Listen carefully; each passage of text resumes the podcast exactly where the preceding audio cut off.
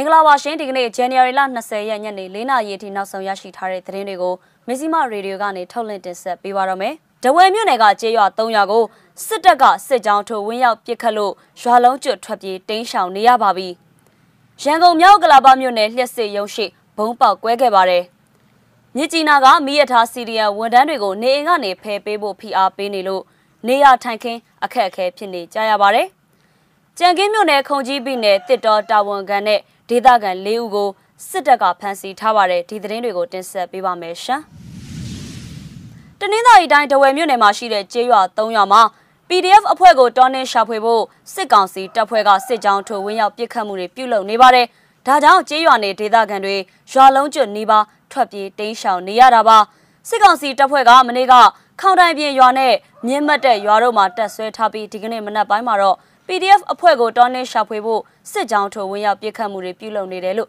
ဒေသခံတွေစီကနေသိရှိရပါတယ်။အခုလိုစစ်ကောင်စီတပ်ဖွဲ့ကစစ်ကြောင်းထိုးတာနဲ့ကြေးရွာတွေတဲ့တက်ဆွဲထားတာကြောင့်မြင့်မတ်တဲ့ရွာရေဝိုင်းနဲ့ခေါင်တိုင်ပြင်ရွာတို့ကပြည်သူတွေရွာလုံးကျွနီးပါးထွက်ပြေးတိမ်းရှောင်နေရတာဖြစ်တယ်လို့ဒေသခံတအူးကမစ္စည်းမကိုပြောပြလာတာပါ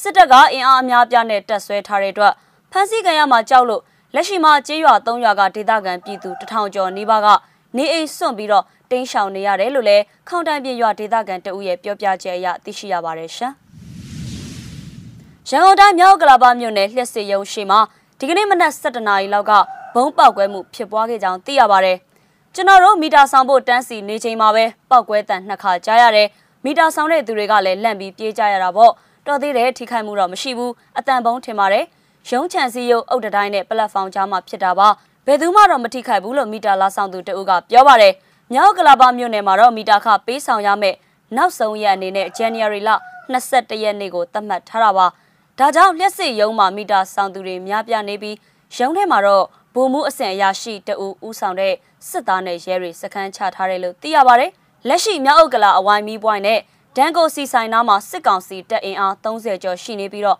မပောက်ကွဲသေးတဲ့ဘုံတွေကိုရှင်းလင်းနေတာဖြစ်ပါတယ်။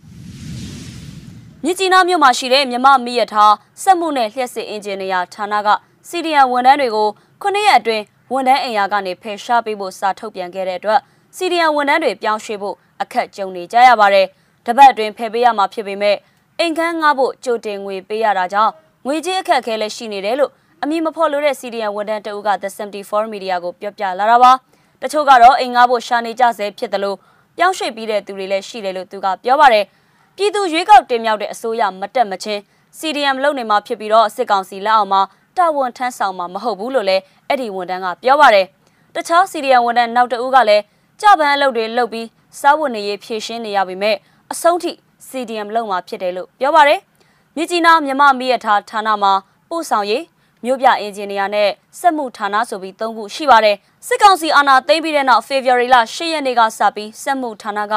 ဝန်ထမ်းစုစုပေါင်း44ဦးကစီဒီယံပြုလုပ်ခဲ့ကြတာပဲဖြစ်ပါတယ်။ AR တိုင်းကြံကင်းမြို့နယ်ထဲမှာရှိတဲ့ခုံကြီးပြည်နယ်တစ်တော်တာဝန်ခံဦးစိုးနေနိုင်ကိုပြည်သူ့ကာကွယ်ရေးတပ် PDF တွေနဲ့ပတ်သက်မှုရှိတယ်လို့ဆွဆွဲပြီးအကြမ်းဖက်စစ်ကောင်စီတပ်တွေနဲ့ရဲတွေက January လ18ရက်နေ့မှာဖမ်းဆီးသွားတဲ့အကြောင်းဒေသခံတွေစီကသိရပါဗျ။ဦးစိုးနေနိုင်ကိုကြံကင်းမြို့နယ်တစ်တော်ရုံးမှာလုပ်တဲ့အစည်းအဝေးကအပြန်မှာဖမ်းသွားတာဖြစ်ပါတယ်။ PDF တွေနဲ့ပတ်သက်မှုရှိပြီးထောက်ပံ့နေတဲ့ဆိုတဲ့ဆွဆွဲမှုနဲ့ ဖမ်းသွားတာလို့တစ်တော်ရုံဝန်ထမ်းနဲ့နှိဆက်သူတဦးကပြောပြတာပါ။ဦးစိုးနေနိုင်ကစစ်အုပ်စုအာဏာသိမ်းပြီးတဲ့နောက်ပိုင်း CDM လှုပ်ရှားမှုမှာပါဝင်တာမျိုးမရှိပါဘူး။ဒါကြောင့် PDF တွေနဲ့ပတ်သက်မှုလည်းမရှိနိုင်ဘူးလို့သူကမှတ်ချက်ပြုပါတယ်။ဒါ့အပြင်ခုံကြီးကျေးရွာမှာနေထိုင်တဲ့ရဲသတင်းပေးဒလန်မြင့်သိန်းဆိုသူကလည်း January လ15ရက်နေ့မှာပြစ်သက်ခံခဲ့ရပါတယ်။အဲ့ဒီနောက်ပိုင်းစစ်ကောင်စီတပ်တွေနဲ့ရဲတွေကဒေသခံအမျိုးသား၄ဦးကိုမတရားဆွဆွဲဖမ်းဆီးထားတယ်လို့လည်း ခုံကြီးကျေးရွာမှာနေတဲ့ပြည်သူတအုပ်ကပြောပါရယ်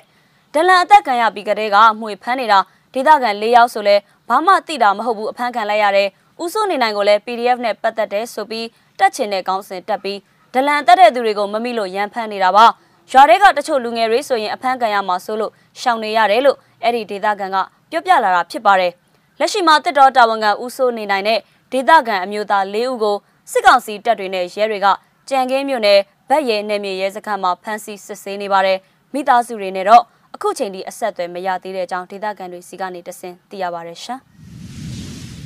မဇီမရေဒီယိုရဲ့ညနေ၄နာရီအထိနောက်ဆုံးရရှိထားတဲ့သတင်းတွေကိုတင်ဆက်ပေးခဲ့တာပါစောင့်မျှော်နားဆင်ပေးခဲ့ကြတဲ့အတွက်ကျေးဇူးတင်ပါတယ်ရှင်။